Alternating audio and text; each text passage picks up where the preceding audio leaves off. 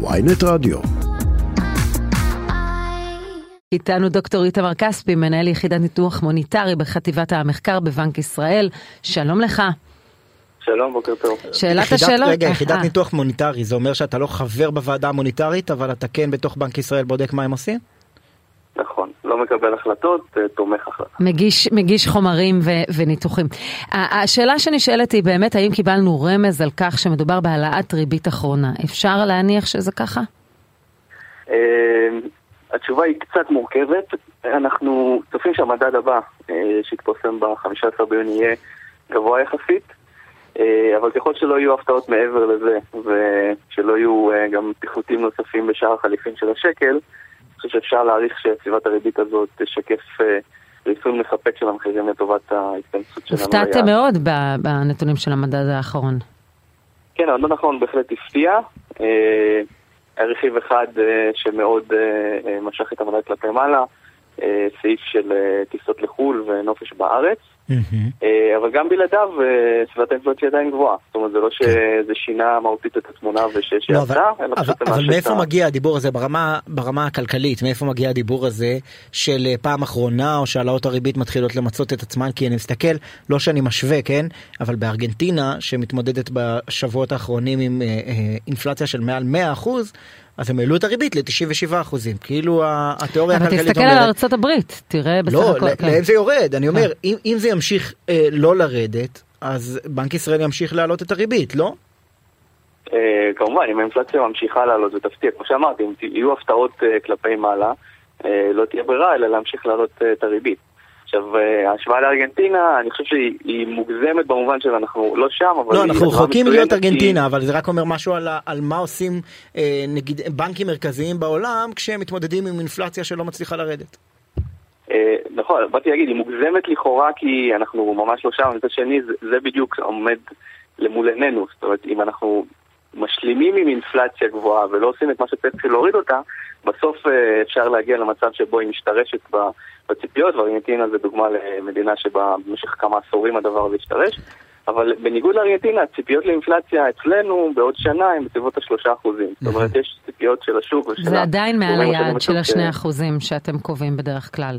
היעד הוא בין אה, אחוז לשלושה אחוזים, זאת אומרת, יש טווח בין אחד לשלוש, אז אה, מגיע לקצה העליון של הטווח שלנו. נכון? עכשיו, הבנתי. עכשיו רגע, אה, אה, אני מסתכל על החודש הבא, עוד לפני סוף השנה. אני רואה, אה, אה, החודש הבא, הפעם הבאה שנקבל נתון יהיה ב-15 לחודש הבא, אבל זה יהיה נתון של חודש מאי. כל העליות של מוצרי החלב, גם המפוקח וגם הנלווה, יהיו בפנים.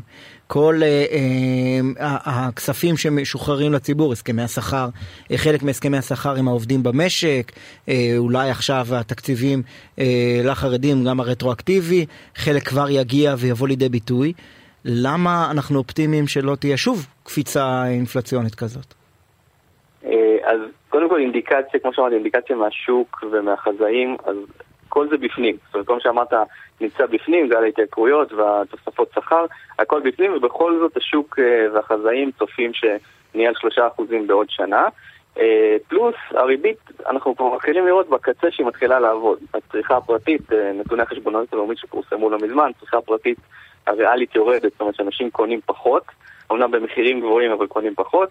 אה, ויש עוד אינדיקציות אה, מכיוון המחירים השכירים, מה שאנחנו אה, ככה מכנים אותם, שזה מחירי הנפט, האנרגיה, שחרור של בעיות אה, בשרשרות אספקה, אז מהכיוון הזה גם כן. מגיע לנו הקלה. היה תסריט שדיברו עליו, על מצב של סטגפלציה, של מיתון ביחד עם אינפלציה שלא מצליחה לעלות. יצאנו מהסכנה הזו? אה, אי אפשר להגיד, כרגע זה לא נראה ככה כי המצב של המשק הישראלי בסך הכל מצוין, במובן של שיעור אבטלה מאוד נמוך, שוק העבודה עדיין, למרות כל התהפוכות שקרו, עדיין אה, נחשב יחסית חזק, והצמיחה, למרות הירידה בצמיחה הפרטית, הצמיחה היא עדיין חזקה. זאת אומרת שיש אפשרות אה, לא קלושה, אפשרות יחסית טובה של מה שמכונה נחיתה רכה. זאת אומרת שנצליח להוריד את האינפלציה מבלי לייצר מיתון מאוד חזק.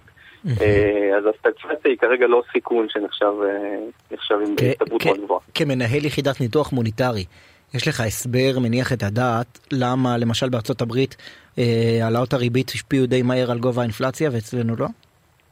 אז זה קצת, זו קצת אשליה, כי מה שעשה את עיקר הירידה היה המחירים מה שלא בליבה, זאת אומרת רכיבים שכירים ויחסית תנועתיים כמו אנרגיה בעיקר ומזון ודברים שהם קצת אלמנט גלובלי שירד. אצלנו הם לא עלו כי המשק הישראלי די חסין משינויים חדים במחירי האנרגיה למשל, אז לא ראינו את העלייה החדה וגם לא ראינו את הירידה.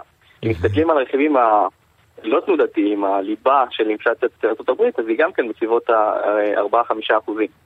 בגלל זה הפד לא ממהר בהכרח לעצור ולא ממהר להוריד את הריבית. עכשיו, עכשיו סליחה, סליחה אם אני מפליג מדי בתיאוריה הכלכלית, אבל כשהאמריקאים מחזיקים ריבית יותר גבוהה מאצלנו, זה לא אומר שכסף ימשיך לזרום מאיתנו אליהם והדולר ימשיך להתחזק על, על חשבון השקל? אז הכל פה עניין של ציפיות, אמנם הריבית, פערי הריבית הם, הם יחסית מצומצמים, אז השאלה היא מה, מה השוק צופה שיקרה, מה יקרה לריביות בעתיד. כרגע הפערים הם יחסית קטנים, בנק ישראל עלה פחות או יותר ביחד עם הפד, כמו הרבה מדינות ביחס לעולם. יש עניינים של תנועות הון, אבל גם יש עניינים של פרמיית סיכון, זאת אומרת, זה לא בהכרח שהריבית שלנו צריכה להיות אחד לאחד עם הפד, אלא צריכה לקחת בחשבון גם עניינים של מאפיינים ספציפיים של המשק הישראלי.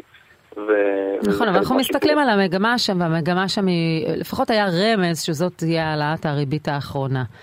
אבל הם עומדים קצת יותר ב, ביעדי, כלומר הם מתקרבים יותר ליעדי האינפלציה, התזוזה שלהם יותר מהירה. אני לא יודעת אם זה התחום שלך או לא, אבל כשאנחנו מסתכלים על התוצאה של העלאת ריבית מתמשכת, מבחינת מצד אחד משקי הבית שנושאים בעול של משכנתה הולכת וגדלה, מצד שני אנחנו רואים את רווחי הבנקים, שני מיליארד שקלים לבנק הפועלים ברבעון האחרון. איך אנחנו, איך בסוף דופקים שוב את משקי הבית? איך בסוף הבנקים מתעשרים ומשקי הבית מפסידים מזה? תראה, התופעה הזאת של רווחיות של בנקים שעולה בתקופת של העלאת ריבית היא, היא בהחלט מתרחשת בארץ, מתרחשת בעולם, זה חלק מה, מהאפיון של המערכת הבנקאית בסביבה של ריבית עולה. אני כן יכול להגיד שבנק ישראל עושה מאמצים בשביל להגדיל את התחרותיות הן בשוק הפקדונות והן בשוק ההלוואות, מאפשר שקיפות של הריביות והשוואות ריביות ובאמת בהחלטה די פשוטה אפשר להפוך פיקדון עם תשואה ריאלית שלילית לתשואה ריאלית חיובית. אז אני, כמובן, זו המלצה של ה, לכיוון הלקוחות. חוץ מזה, באמת, בנק ישראל עוקב כל הזמן אחרי ההתפתחויות ו, ו, ועושה את כל, כל מה שאפשר לעשות בשביל להגדיל כן. את התחרותיות.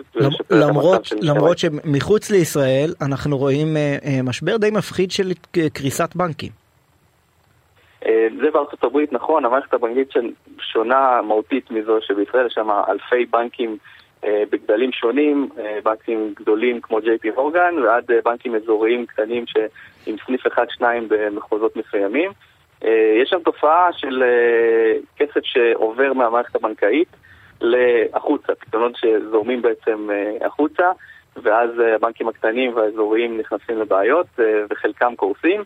כרגע זה נראה שזה נבלע, זאת אומרת אין, אין הידרדרות מעבר לבנקים שקרסו עד עכשיו, זה לא סדר גודל של משבר 2008 למי שזוכר, אבל זה לא פיצ'ר שמאפיין את המערכת הבנקאית הישראלית, אנחנו שונים לגמרי בהרבה מובנים מהמערכת הבנקאית האמריקאית. הסיפור הזה של הפסקת השקעות בישראל והוצאת כסף, כמובן בגלל המטבע, הוא ישפיע גם? ההשפעה היא בעיקר בכיוון האי-ודאות. משקיעים לא אוהבים אי-ודאות, וברגע שהם מרגישים שאי הוודאות עולה בעקבות uh, כל הדברים שקרו פה במשק הישראלי, uh, אז זה בהחלט יכול להשפיע, ואנחנו רואים את זה בעיקר בשער חליפין. שער חליפין פוחת מאז החלטת הריבית הקודמת, פוחת יחסית הרבה מתחילת השנה. והדבר הזה תורם לאינפלציה, תורם בסביבות... כלומר, הציפיות שלכם... אבל אתם בבנק ישראל כל הזמן הוצאתם הודעות שהסכומים של כספים שיוצאים מכאן ממש יוצאים פיזית מישראל החוצה, לא באמת גדולים ומשמעותיים ביחס להיקפי השקעות. נכון, אין פה אירוע כמו משבר מטבע, זה לא שיש פה איזה בריחת הון כמו משברי מטבע שקרו באסיה בסוף שנות ה-90, אנחנו לא שם, אבל בהחלט רואים בשוליים, יש פיחות של שער חליפין. הקשר בין ה... שער חליפין למדדי המניות בארצות הברית שהיה מאוד חזק עד לא מזמן השתנה, וזה כן, מעיד שקורה משהו שהוא מעבר, משהו שהוא... אז יכול להיות שבמדד הזה כבר תראו, אתם תראו כבר תוצאות של העובדה שהוקפאה הרפורמה סלש המהפכה המשפטית, שיש טיפה יותר אולי ודאות? לא בטוח שזה נקרא ודאות, אבל לפחות זה כרגע לא חרב מונחת על הצוואר. זה לוקח זמן, זאת אומרת, שער חליפין הוא מן הסתם משפיע על האינפלציה. כששער חליפין מפוחת, מוצרי היבוא מתייקרים, וזה משפיע על האינפלציה המקומית דרך התמסורת הזאת בין מחירי חו"ל למחירים בארץ, אבל לוקח לזה שלושה חודשים, חצי שנה או לפעמים יותר עד שאנחנו רואים את זה. Mm-hmm. זאת אומרת, הפיחות שהתרחש מתחילת השנה עדיין נמצא חלקו בצנרת. ואם הדבר הזה יתייצב או יתהפך, אז ייקח זמן עד שנראה את זה. אבל כמו שאמרתי, כן. הציפיות הן עדיין להתכנסות של האינפלציה לכיוון הגבול העליון של היעד. כן, דוקטור איתמר כספי, מנהל יחידת ניתוח מוניטרי בחטיבת המחקר בבנק ישראל, תודה רבה לך. תודה רבה לכם והמשך יום נעים.